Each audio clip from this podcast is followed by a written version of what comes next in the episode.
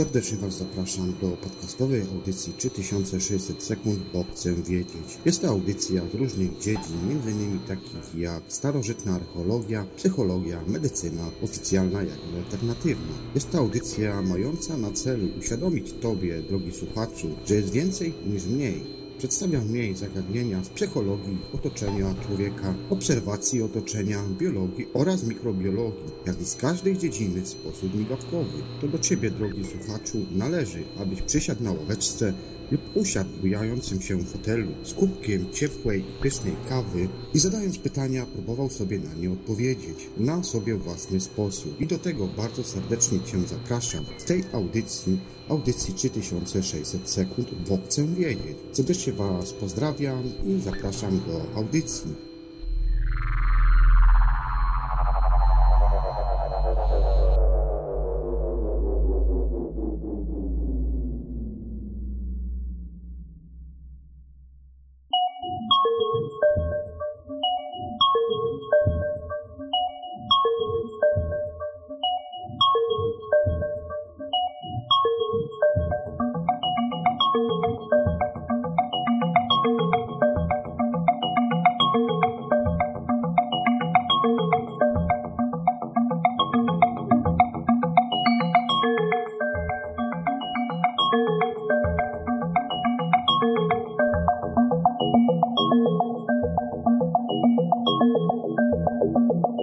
Witajcie bardzo gorąco i serdecznie, drodzy słuchacze, w kolejnej już audycji 3600 sekund, bo chcę wiedzieć. Jest to odcinek specjalny pod nazwą Niepodległa, ostatnia część, część czwarta. Ile krwi kosztował polski Śląsk? Burzony tłum górników wraz z rodzinami napierał na bramę kopalni w Mysłowicach. Zarząd zdecydowanie zbyt długo zwlekał z wypłaceniem pensji. Kiedy jednak wyjście zostało otwarte, zamiast pieniędzy Ślązacy ujrzeli lufy niemieckich karabinów. Po niespodziewanym strzałem 15 sierpnia 1919 roku na miejscu zginęły dwie kobiety, trzynastoletnie dziecko i siedmiu górników. Wiele osób zostało ciężko rannych. Napięcie pomiędzy Polakami i Niemcami na Śląsku od dawna było bardzo duże, ale tym razem nie udało się utrzymać nerwów na wodzy. Władze kopalni całą sytuację nazwali pacyfikacją roszczeniowej klasy robotniczej, ale strona polska miała na ten temat zupełnie inne zdanie. Sytuacja przeszła do historii jako masakra w Mysłowicach oraz punkt zapalny serii powstań, które ostatecznie doprowadziły do przyłączenia znacznej części Śląska do Polski. Jak więc do tego doszło? Co skłoniło ludzi do masowych protestów jak przebiegało powstanie na Śląsku. Początki tego sporu sięgają paru lat wstecz, kiedy na obecnym południu Polski panował chłód i głód. W ostatnich latach I wojny światowej kopalnie na Śląsku przeżywały złoty okres. Na przykład spółka Giesze poza wydobywaniem węgla zajmowała się również wytapianiem cementowych metali, co w burzliwych czasach przynosiło kolosalne zyski, ale pracownicy kopalń nie odczuli tego dobrobytu na własnej skórze. Wrzesień 1916 roku przyniósł pierwszy strajk utrzymujący się parę dni.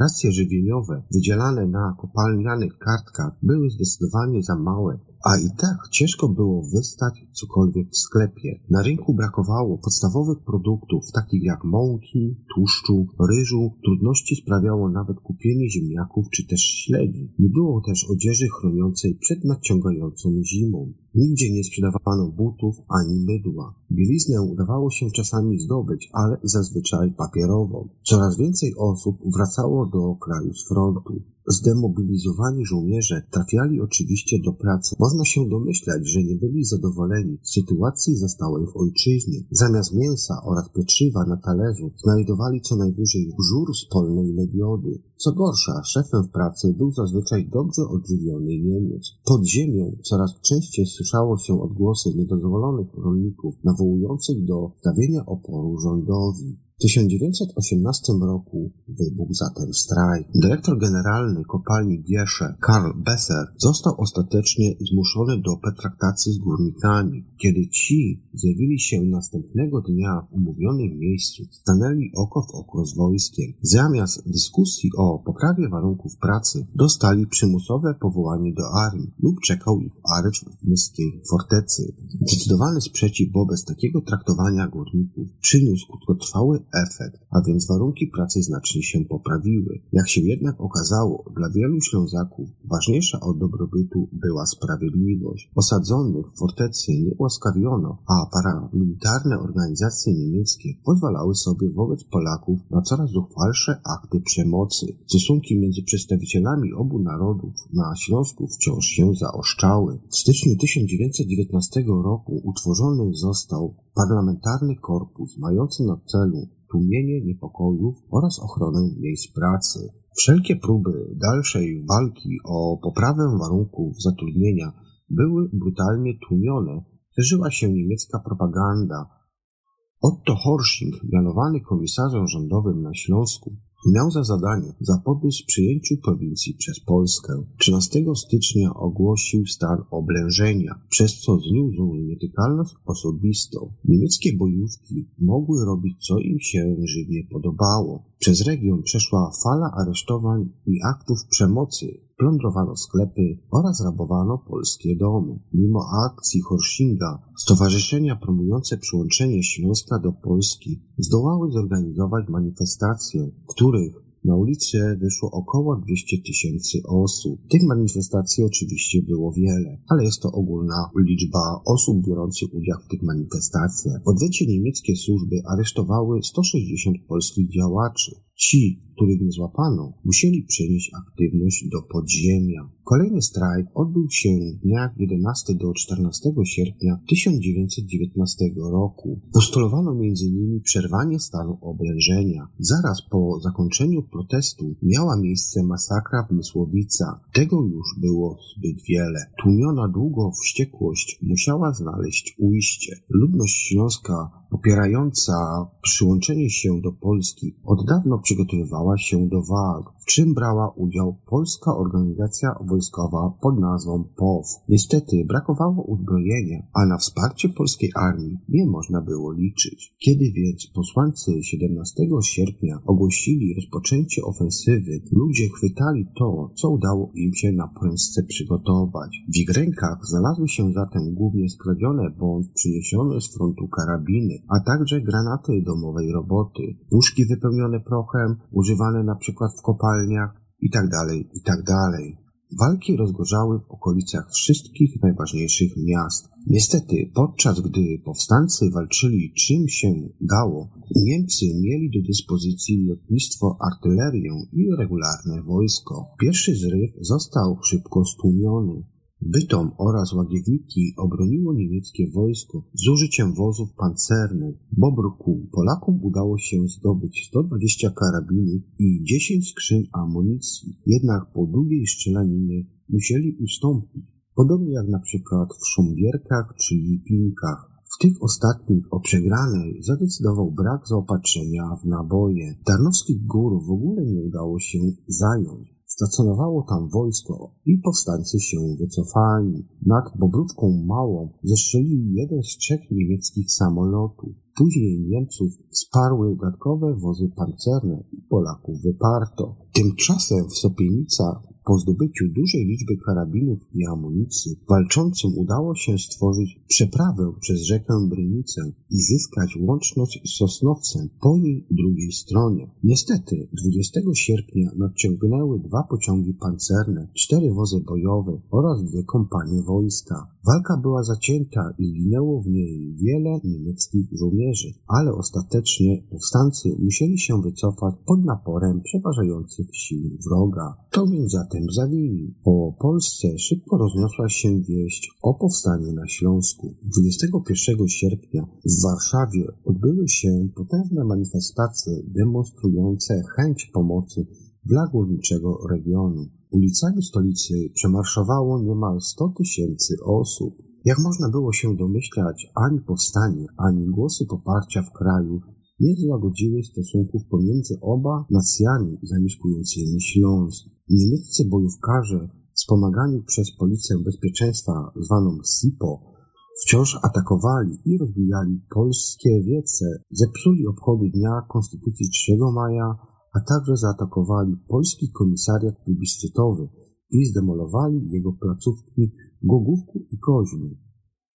Rosnący niepokój nie pozwolił zbyt długo zwlekać z rozpoczęciem drugiego zrywu niepodległościowego. Prawdopodobnie kroplą przypełniającą czarę goryczy był lincz dokonany na znanym polskim lekarzu Andrzeju Mielęckim, który pomagał poszkodowanym w ulicznych zamieszkach. Jego zmasakrowane ciało wylądowało w płytkich wodach Rawy, a Polacy postanowili okazać swój gniew. Już 19 sierpnia 1920 roku Polska Organizacja Wojskowa Górnego Śląska porozumieniu z Wojciechem Korfantym rozpoczęła kolejny rozdział polskiej historii węglowego Zagłębia. Powstańcy nadal musieli zdobywać broń na własną rękę, ponieważ pomocy ze strony Warszawy właściwie nie było. Trwała właśnie kontrowersywa na froncie wojny bolszewickiej, w którą zaangażowana była cała polska armia. Tym razem walki sięgały dalej niż poprzednio. Powstaniem ogarnięte były głównie tereny wiejskie.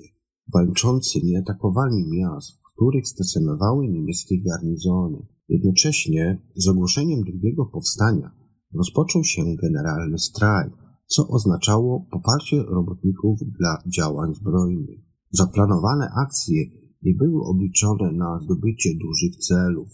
Zamiast tego powstańcy sparaliżowali komunikację i wzbudzili panikę w całym regionie. Strzały rozległy się w Mysłowicach, na katowickim Wełmowcu, w Siemianowicach, Łagiewnikach, Maciejkowicach, Chorzowie, Hajdukach Wielkich i w okolicy Nowego Bytomia. Łącznie po polskiej stronie za broń chwyciło ponad 2,5 tysiąca ludzi. Podobnie jak za pierwszym razem, wszystko szybko się skończyło. Powstanie zawieszono oficjalnie już po trzech dniach od rozpoczęcia. Działająca na Śląsku Międzynarodowa Rozjemcza Komisja Międzysojusznicza nakazała rozwiązanie niemieckiej policji i wprowadzenie w jej miejsce mieszanych organów porządkowych, tzw. Tak APO, czyli policji plebiscytowej. W zamian za to polska strona zobowiązała się do rozwiązania Polskiej Organizacji Wojskowej Górnego Śląska, która jednak potajemnie działała dalej, tyle że pod nazwą Centrali Wychowania Fizycznego. Zbliżało się od dawna oczekiwane przez wszystkich wydarzenie. Plebiscyt miał rozwiązać wszelkie problemy. Na całym Śląsku zorganizowano komisje wyborcze, w których pracowało po osiem osób, cztery z każdej narodowości. Po podliczeniu głosów okazało się, że Niemcy wygrali dosłownie w każdym z powiatów miejskich, między innymi dzięki tzw. Tak emigrantom plebiscytowym. Na głosowanie zatem ściągano osoby wywodzące się ze Śląska, ale tam nie mieszkające. Dawano im wszelkie potrzebne papiery i przyznawano specjalne urlopy w pracy, byle tylko mogli dotrzeć do odpowiedniej placówki plebiscytowej. Na przykład w Katowicach za Polskę zagłosowało 3900 osób, a za Niemcami aż 22 773 osoby. Odwrotnie było natomiast na terenach wiejskich. Ludność dzisiejszego Giszowca i Kiszowca niemal jednocześnie odpowiedziała się za Polską. 3056 osób za, a jedynie 150 przeciw. Ogólny wynik plebiscytu, który odbył się 20 marca 1921 roku, to 40,3% dla Polski i 59,4% dla Niemiec. Rozpoczęły się dyskusje nad wytyczeniem granicy. Przedstawiciele różnych krajów będących członkami Komisji Międzysojuszniczej proponowali odmienne rozwiązania.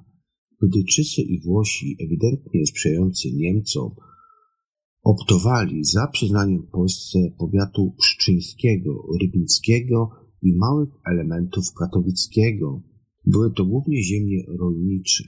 Tymczasem trzymający naszą stronę Francuzi byli za włączeniem do Polski wszystkich wschodnich powiatów Górnego Śląska, a co za tym idzie całego okręgu przemysłowego.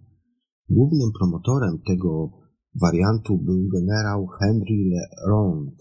Porozumienia nie osiągnięto jednak. Dwa poufne projekty, francuski oraz brytyjsko-włoski, przesłano do Rady Najwyższej. Wojciech Kofanty, który był wówczas polskim komisarzem w Komisji Międzysojuszniczej, postanowił jednak włączyć do gry kolejny czynnik, zdradzając te pomysły opinii publicznej. Jak można się domyślić, wywołały one głośne protesty i przez region przetoczyła się kolejna gigantyczna fala strajków. Podaje się, że brało w nich udział łącznie około 190 tysięcy osób. To zmusiło komisję do dalszych pertratacji i przychylenia się do projektu Leronda. Korfanty sprzeciwił się jednak zakazom ze strony Warszawy i wydał rozkaz rozpoczęcia trzeciego powstania na Śląsku. Tym razem nie skończyło się na paru dniach. Walki trwały od początku maja aż do 5 lipca 1921 roku. Poruszenie wśród ludności polskiej było ogromne, zarówno ze względu na niezadowolenie z wyników plebiscytu, jak i ze strachu przed powrotem niemieckiej władzy oraz zemsty na polskiej części społeczeństwa. Korfanty wraz z zakonspirowaną siatką wojskową planowali powstanie już od dawna, przewidując przebieg wydarzeń. Udało się stworzyć potajemnie armię aż 40 tysięcy gotowych do akcji ludzi. Dostrajano więc i szykowano placówki operacyjne, zanim jeszcze doszło do głosowania. Oliwy do ognia dolało odkrycie, że strona niemiecka również szykuje się na zbrojne rozwiązanie w razie swojej przegranej. Siatka informacyjna zdobyła informację, że przygotowali oni ukryte magazyny broni, a demobilizowani żołnierze z frontu zachodniego są kierowani właśnie w ten region. Polacy zrozumieli, że aby zdobyć Śląsk będą musieli przelać krew. Wszystko zaczęło się od akcji Mosty.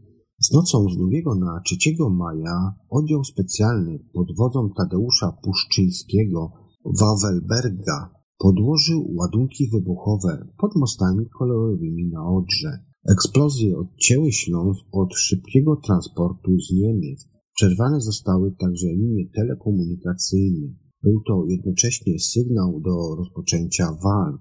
Ruszyły zatem oddziały powstańcze, które w tamtym momencie mogły liczyć około 60 tysięcy ludzi. Do przygotowanych wówczas 40 tysięcy na dzień przed zrywem dołączyło powiem ponad 20 tysięcy ochotników. Tymczasem stan wojsk niemieckich na tamtą chwilę szacowano na około 35 tysięcy żołnierzy, którzy później zostali wzmocnieni przez studentów z Uniwersytetu oraz Wyższej Szkoły Technicznej we Wrocławiu. W pierwszym tygodniu walk powstańcy opanowali tak zwaną linię Korfantego, przebiegającą zgodnie z propozycjami podziału Śląska na stronę niemiecką i polską według roszczeń dyktatora powstania. Dotarli do okolic Raciborza na południu przez okolice Dziergowic, Koźla, aż po Krapkowice, a dalej na północny wschód w kierunku Osiecka do granicy Rzeczpospolitej koło Krzepic. Na takich pozycjach umocnili się i przygotowywali się do obrony. Siły niemieckie zostały całkowicie zaskoczone i praktycznie nie stawiły oporu. Powstańcy zdobyli niemieckie magazyny broni, więc ich możliwości bojowe dodatkowo się zwiększyły. Wkrótce jednak przyszło nieuniknione. Po bardzo sprawnym zdobyciu większych miast, to jest takich jak Katowice, Tarnowskie Góry, Pszczyny czy Lubliniec, nastąpił oczekiwany kontratak ze strony Niemiec. Najcięższe potyczki miały miejsce w okolicach Kędzierzyna oraz Góry Świętej Anny, choć o ostatecznym utrzymaniu się Polaków na pozycjach decydowała obrona Olzy. 27 maja ogłoszono krótkie zawieszenie broni, po którym 4 czerwca walki rozgrzały się ponownie. Interweniowała Komisja Międzysojusznicza, nakazując obu stronom wstrzymanie ognia i wyznaczając neutralny pas gruntu między walczącymi. Rozpoczęło się wycofywanie wojsk. Miejsce polskich zajęli żołnierze brytyjscy, a Niemców zastąpili Francuzi. Stopniowo rozwiązano front, co trwało aż do 5 lipca. W wyniku ostatniego powstania międzysojusznicza komisja rządząca i plebiscytowa na Górnym Śląsku ogłosiła definitywny kształt granicy biegnącej przez Śląsk. Było to postanowienie o wiele bardziej korzystne dla Polski. Powiększono jej terytorium o jedną trzecią terenu spornego, jednak w tej części znajdowało się 50% hutnictwa i 76% kopalni węgla. Nie trzeba więc wspominać, że dla młodej, niepodległej Polski był to niezwykły, cenny nabytek.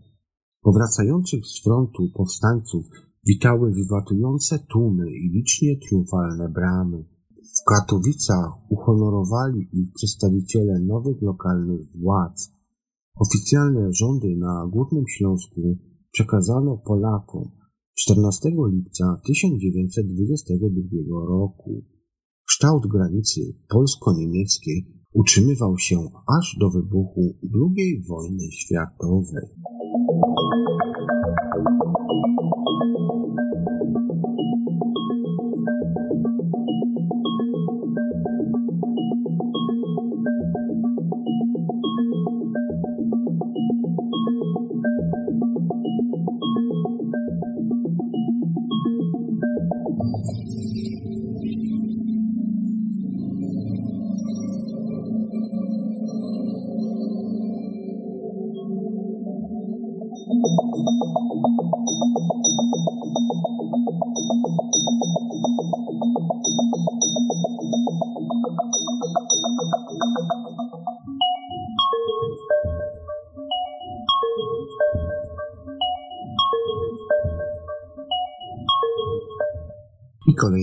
informacja.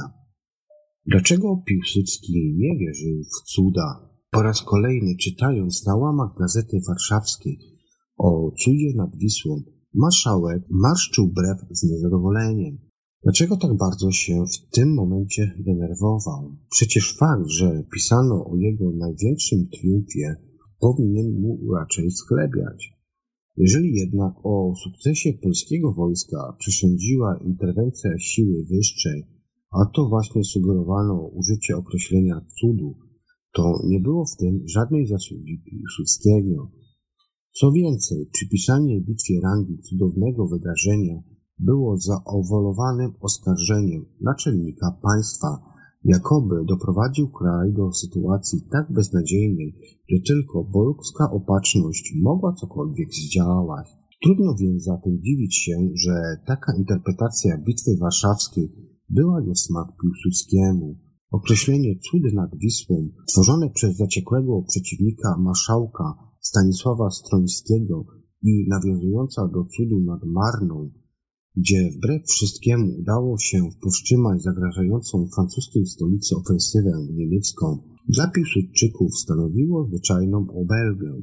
Tymczasem opozycja ochoczo powtarzała wersję o wymodlonym triumfie nad bolszewikami, odbierając naczelnemu wodzowi nie tylko główną rolę w doprowadzeniu żołnierzy do wiktorii, ale nawet autorstwo planu bitwy. Jako faktycznych zwycięzców wymieniano w zależności od wariantu Boga, generała, Tadeusza Rozwadowskiego lub francuskiego dowódcę Maxime Weinbranda. Ten ostatni zresztą również zdawał się podzielać zdanie AND-ków o boskiej interwencji, bo w liście do żony pisał, cytuję, Bitwa zakończyła się porażką nieprzyjaciela. Niech Bóg będzie błogosławiony. Z punktu widzenia artystycznego była to piękna bitwa. Koniec cytatu. Przeczą temu jednak zachowane dokumenty, bowiem z depesz z pól walki jasno wynika, że to Piłsudski był ojcem planu bitwy i to on na bieżąco kierował posunięciami polskich wojsk, podając miejsce postoju i domagając się meldunków z pierwszej linii ognia. Inna sprawa, że gdyby nie przekonanie marszałka o nieudolności bolszewików, Do starcia nad Wisłą w ogóle by nie doszło, choćby z tego powodu Piłsudski mógłby woleć rosyjskie określenie cudu błędem warszawskim.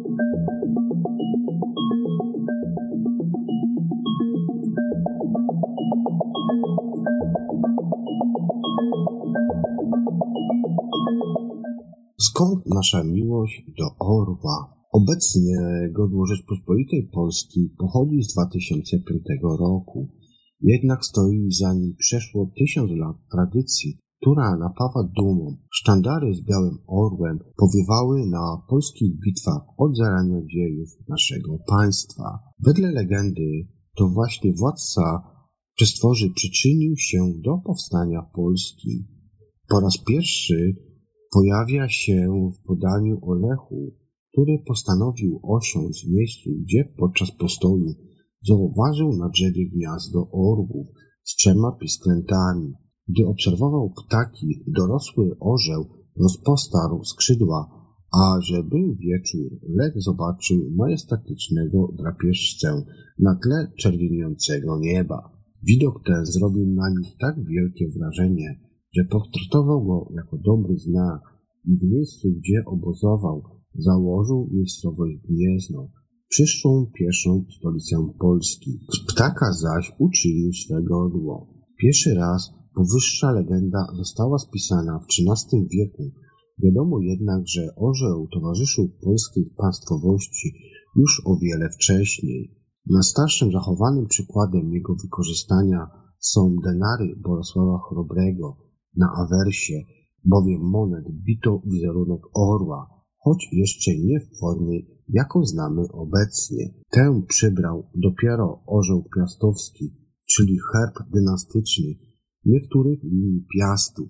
Po raz pierwszy orzeł biały w koronie jako godło państwowe pojawił się w 1295 roku za sprawą Przemysła II.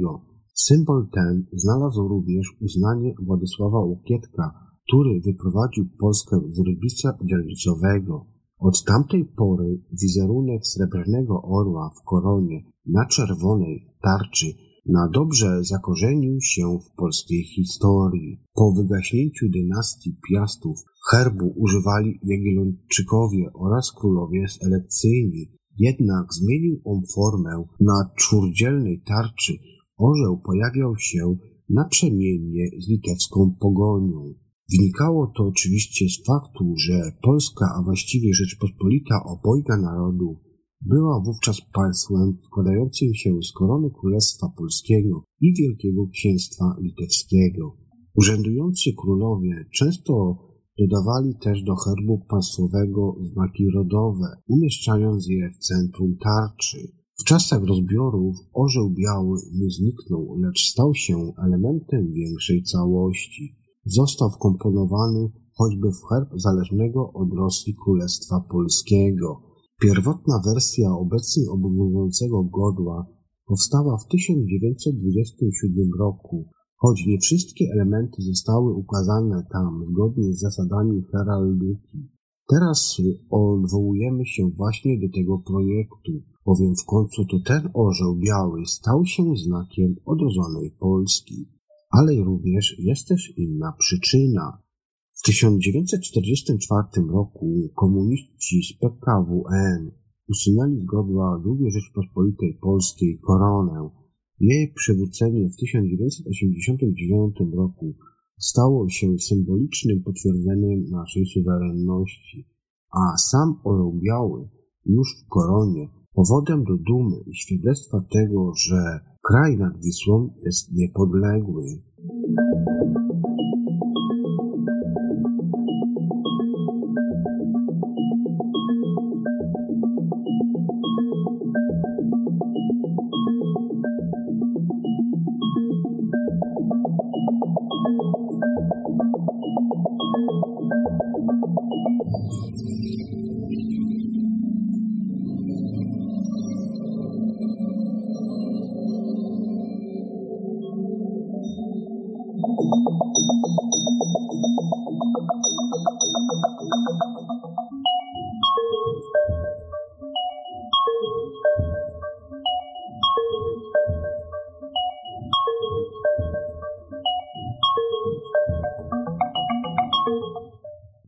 Ewolucja herbu Polski.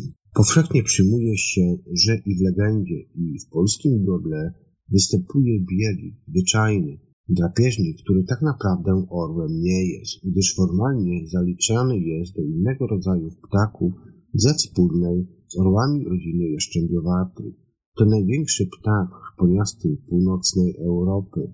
Rozpiętość jego potężnych skrzydeł dochodzi nawet do 240 cm.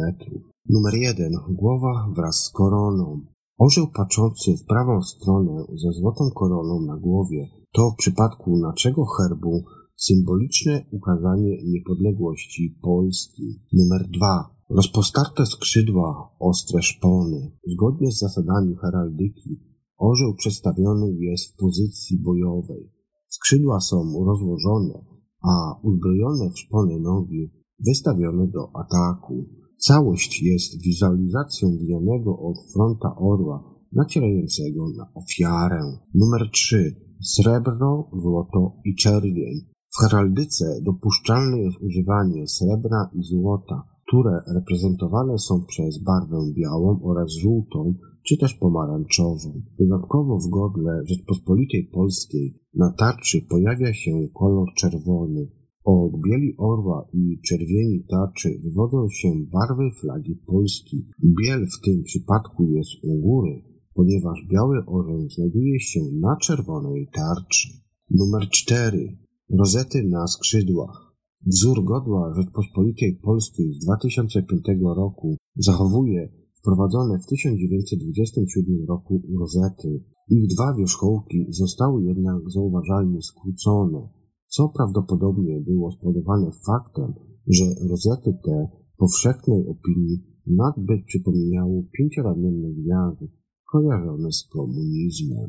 Piastowskie orły w herbach miast. Podczas rozbicia dzielnicowego piastowski orzeł został przyjęty jako godło i stał się częścią herbu wielu linii piastów. Wtedy też pojawiły się różne jego wariacje, a zmiany dotyczyły przede wszystkim kolorystyki oraz kształtu. Niektóre z wersji wprowadzonych wówczas do użytku są stosowane do dziś i występują w herbach miast, na przykład we wrocławskim czy też zgorzeleckim. Przyjrzyjmy się zatem ewolucji herbu Polski. Denar chrobrego, XI wiek. Na tej monecie Pierwszy raz oficjalnie użyto wizerunku orła, choć jeszcze nie w pozie bojowej z portartymi skrzydłami. Wśród historyków trwają spory, czy ptak na awersie jest faktycznym orłem i choć pozostają one nierozstrzygnięte, denary uważane są za dowód na tysiącletnią tradycję orła jako symbolu narodu polskiego. Królewska pieczęć, XIII wiek. Pieczęć Przemysła II była pierwszym przypadkiem użycia piastowskiego orła jako godła państwa. Pojawia się ona na rewersie, zastępując lwa używanego przez przodków Przemysława II. Powody tej zmiany nie są jednak jasne. Przyjmuje się, że władca dokonał jej, chcąc w ten sposób podkreślić fakt pochodzenia ze starej polskiej dynastii. Orzeł Jagiellonów XIV-XVIII wiek po wygaśnięciu dynastii Piastów ich herb został przyjęty i używany został przez Jagiellonów jako państwowy. Po wygaśnięciu dynastii Piastów ich herb został przejęty i używany przez Jagiellonów jako państwowy. Tak samo uczynili potem królowie elekcyjni. Orzeł biały pojawiał się w herbie Rzeczpospolitej, aż do rozbiorów. Kolejny proces ewolucyjny to Rzeczpospolita obojga narodów, a więc wiek XVI-XVIII. Herb Rzeczpospolitej obojga narodów składał się z czerwonej tarczy, na której naprzemiennie ułożono godła korony Królestwa Polskiego i Wielkiego Księstwa Litewskiego. Zmiennym elementem był wkomponowany w centrum osobisty herb aktualnie zasiadującego na tronie króla. Tutaj nim Henryk Walezy. Pod zaborami XVIII-XX wiek Godło Królestwa Polskiego z 1842 roku jest to przykład zachowania ciągłości używania wizerunku orła białego, nawet pomimo faktu, że Polska jako niepodległe państwo nie istniała. Pod zaborami orzeł biały pojawił się najczęściej jako element wkomponowany w chleb zaborców. Występował w różnych formach, w koronie, bez korony lub głową odwróconą w drugą stronę. Kolejny herb to herb odrodzonej Rzeczpospolitej, XX wiek. Po odzyskaniu przez Polskę niepodległości ustawą sejmową z 1919 roku przyjęto wzór herbu Polski z orłem, który przypominał wizerunek ptaka używanego przez Stanisława Poniatowskiego. Herb ten obowiązywał do 1927 roku. Kolejna ewolucja to druga RP, herb po odświeżeniu, XX wiek. W 1927 roku Przyjęta została nowa wersja herbu według projektu Zygmunta Kamińskiego. To wówczas pojawiły się zmiany, które po niewielkich korektach obowiązują właściwie do dziś. Między innymi usunięto krzyż z korony oraz dodano rozety. I obecny, czyli w czasach PRL-u, kolejna ewolucja to herb w czasach PRL-u. XX wiek. Herb polski używany od 1944 roku, a zalegalizowany przez komunistyczne władze w roku 1952, nie różni się zbytnio od wzoru z 1927 roku. Wizerunek orła został uproszczony, jednak powszechny sprzeciw oponentów władzy ludowej wzbudził brak korony. Jej usunięcie potraktowano jako symboliczne ukazanie podległości.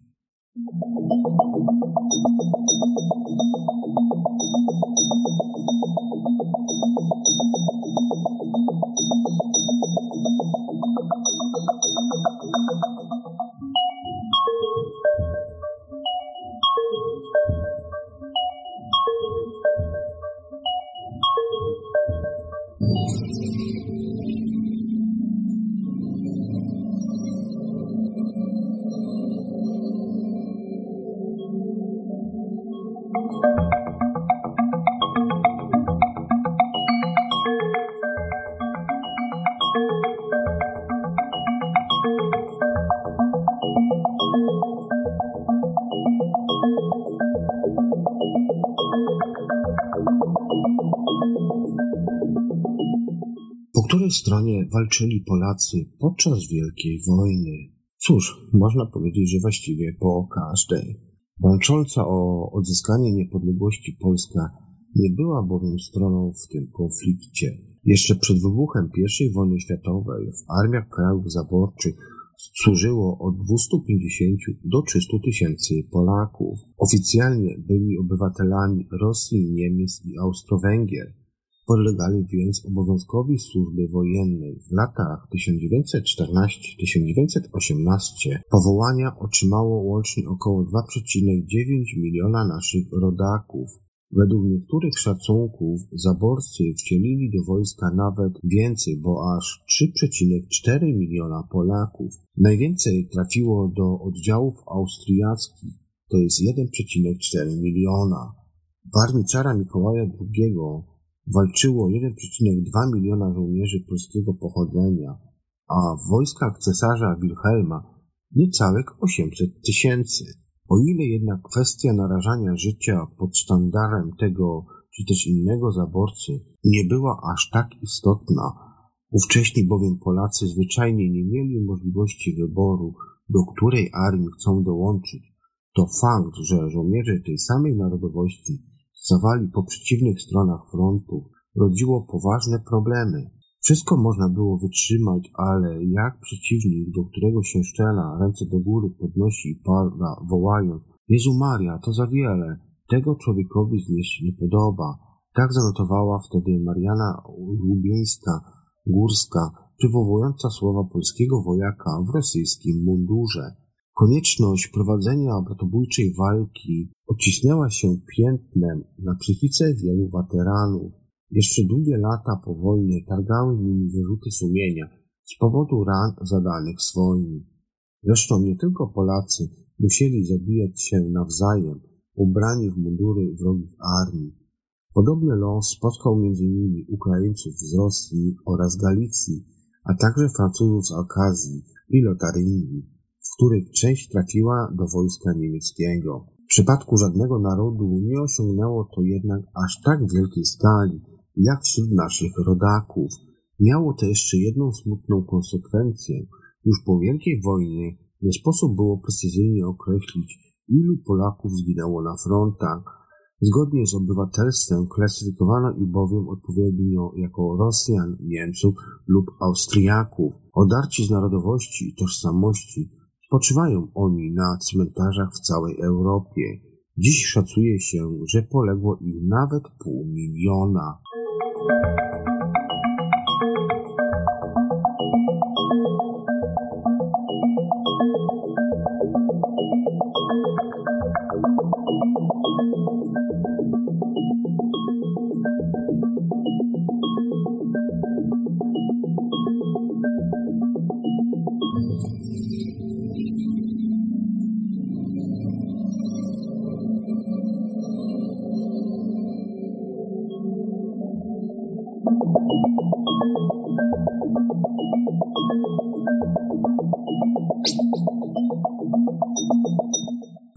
Francuzi nauczyli Polaków latać?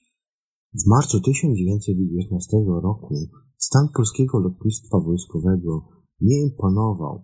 Było bowiem wtedy 70 pilotów, 40 obserwatorów i 118 mechaników.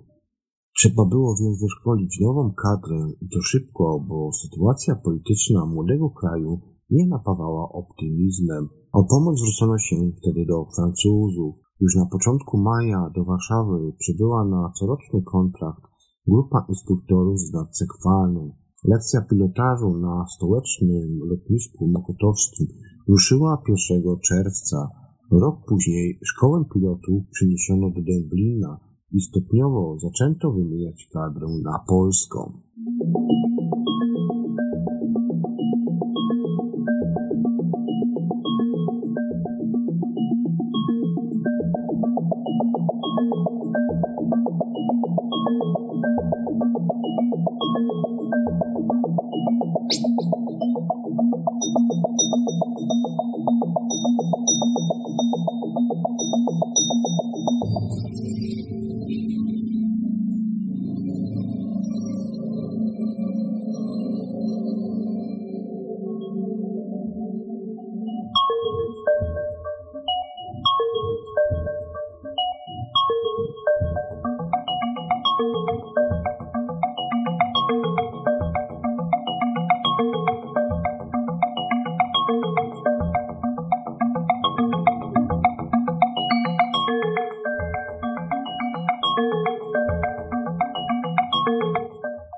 służył Błękitnej Armii? Ta poetycka formacja została powołana 4 czerwca 1917 roku przez prezydenta Francji Raymonda Poincarego, a jej pierwszym dowódcą został generał Louis Archina. Rok później zastąpił go na tej pozycji generał Józef Haller. Potoczną nazwę, oficjalnie bowiem była to Armia Polska we Francji, nadano jej ze względu na kolor mundurów. Trzon formacji stanowili Polacy, lecz wśród oficerów mówiło się głównie po francusku. Dopiero po przerzuceniu błękitnej armii Halera do II Rzeczpospolitej zaczęto sukcesywnie wymieniać kadrę oficerską. Trzeba przyznać, że przetransportowanie 70 tysięcy żołnierzy było wyzwaniem logistycznym. Ostatecznie jednak po dwóch miesiącach oddziały Hallera stanęły na polskiej ziemi. gotowe walczyć za ojczyznę. Na okazję nie musiały jednak wtedy długo czekać. Trzeba bowiem było bronić nowo wytyczanych granic przed atakami bolszewików.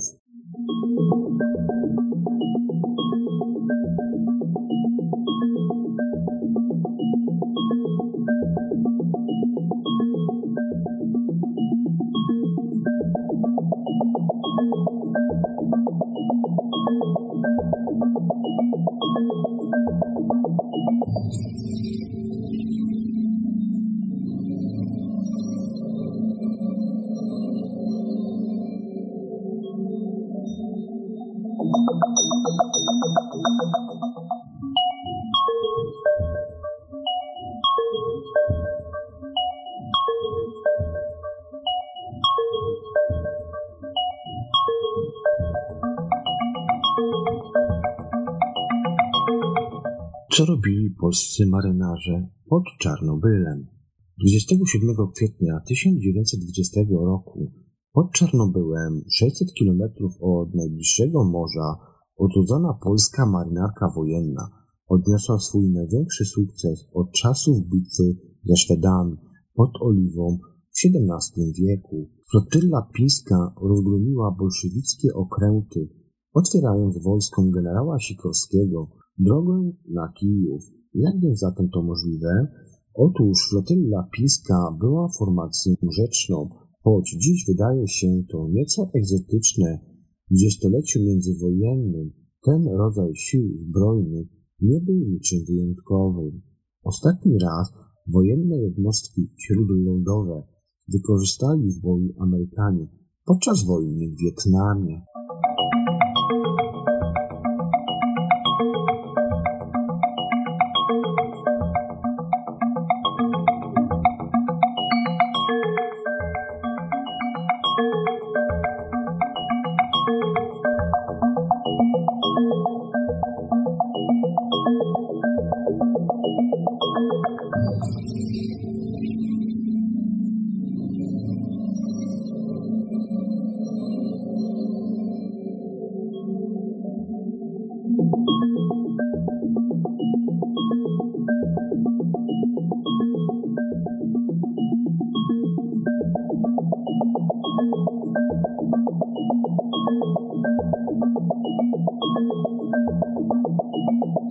Samochodów posiadała polska armia w latach dwudziestych ubiegłego wieku?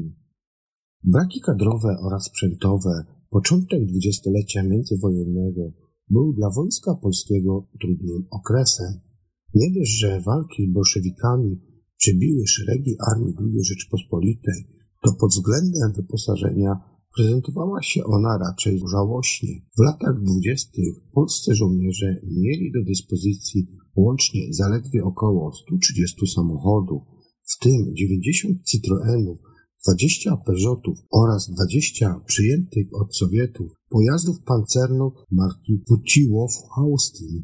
Dziwna nazwa, prawda? Putiłow Austin. Dodatkowo na wyposażeniu znalazło się jednak auto rodzimej produkcji konstruowane przez inżyniera Tadeusza Tańskiego na podstawie popularnego wówczas modelu osobowego Forda T. Pojazd Tanskiego okazał się na tyle sprawny, że wojsko zleciło zbudowanie jeszcze takich 17.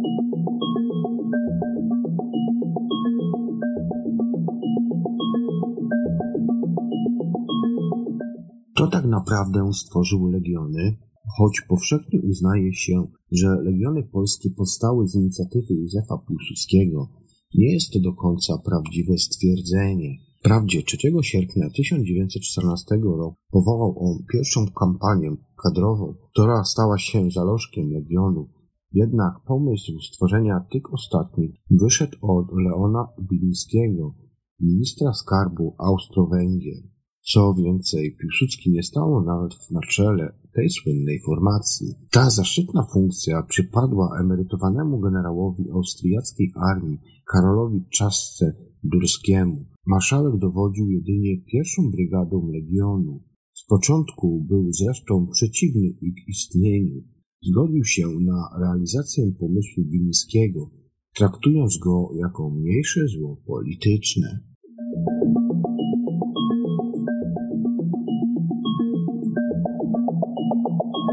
Thank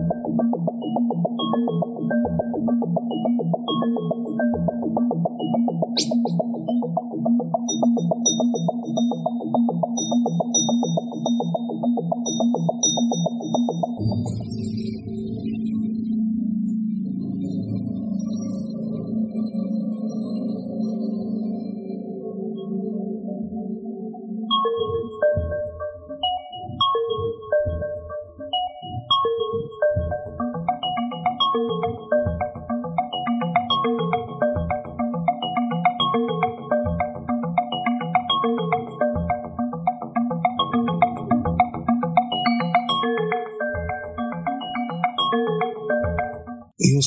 Dziś informacja w tej czwartej części audycji 3600 sekund, bo chcę wiedzieć. Część czwarta niepodległa. Czy Piłsudski został głową państwa w więzieniu? W listopadzie 1918 roku nikt nie miał wątpliwości, że jeżeli ktokolwiek może sięgnąć władzę nad niepodległą Polską, to osobą tą jest Józef Piłsudski.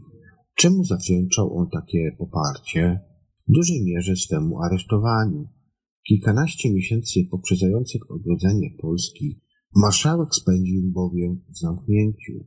Niemcy sądzili, że internowany w warunkach więziennych zniszczy jego karierę polityczną. Mylili się, ponieważ zniewolony Piłsudski stał się w oczach Polaków narodowym bohaterem i nie miało znaczenia to, że w Magdeburg wrogowie przytrzymywali go w trzypokojowym apartamencie, pozwalali na zwiedzanie okolicy i czytanie gazet, a obiady dostarczali z pobliskiej restauracji.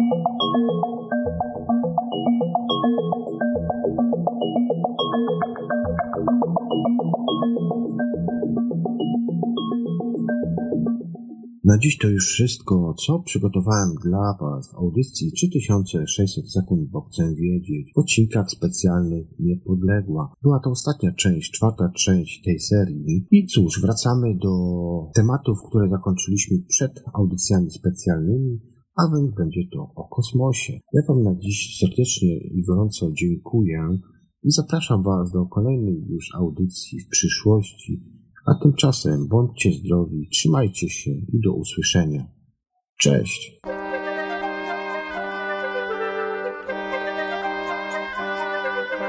Gdy pytasz mnie, czym ojczyzna jest, odpowiem, czyś chociaż raz chodził po rynku w Krakowie, czyś widział Wawel, komnaty, krużganki, miejsca, gdzie przeszłość dodaje ci sił z tej historii wielkiej dumnej, z władzy mocnej i rozumnej. Czerpiesz dzisiaj wiarę w kraju dobry los. Króla dzwon, co kraj przenika, mowa skargi, wzrok stańczyka, przeszłość wielka wzniosła, to ojczyzna twa, to ojczyzna twa.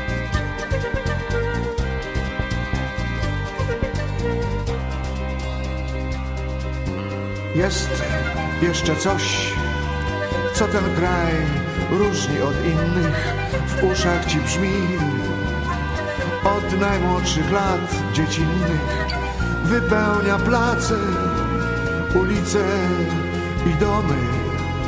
Znajomy zgiełk, twoja mowa, co lśni pięknem wierszy Mickiewicza, powieściami Sienkiewicza. Z tej mowy, jak ze źródła, czerpiesz siłę swą. Mądre bajki Krasickiego, poematy Słowackiego, przeżyć Twych bogactwo, to ojczyzna Twa, to ojczyzna Twa.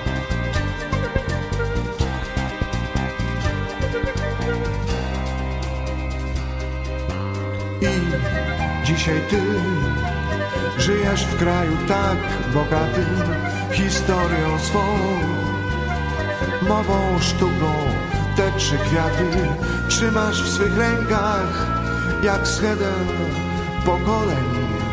Muszą wciąż kwitnąć, by kraj dalej trwał. Bez historii mowy sztuki, bez mądrości tej z nauki, naród się zamieni w bezimienny kraj. Dziś ojczyzna jest w potrzebie, czeka Ciebie, wierzy w Ciebie. Tysiąc lat historii patrzy w serce Twe. Masz obronić co najlepsze, by służyło Polsce jeszcze. Liczy na Twą pomoc. Dziś ojczyzna Twa, dziś ojczyzna Twa.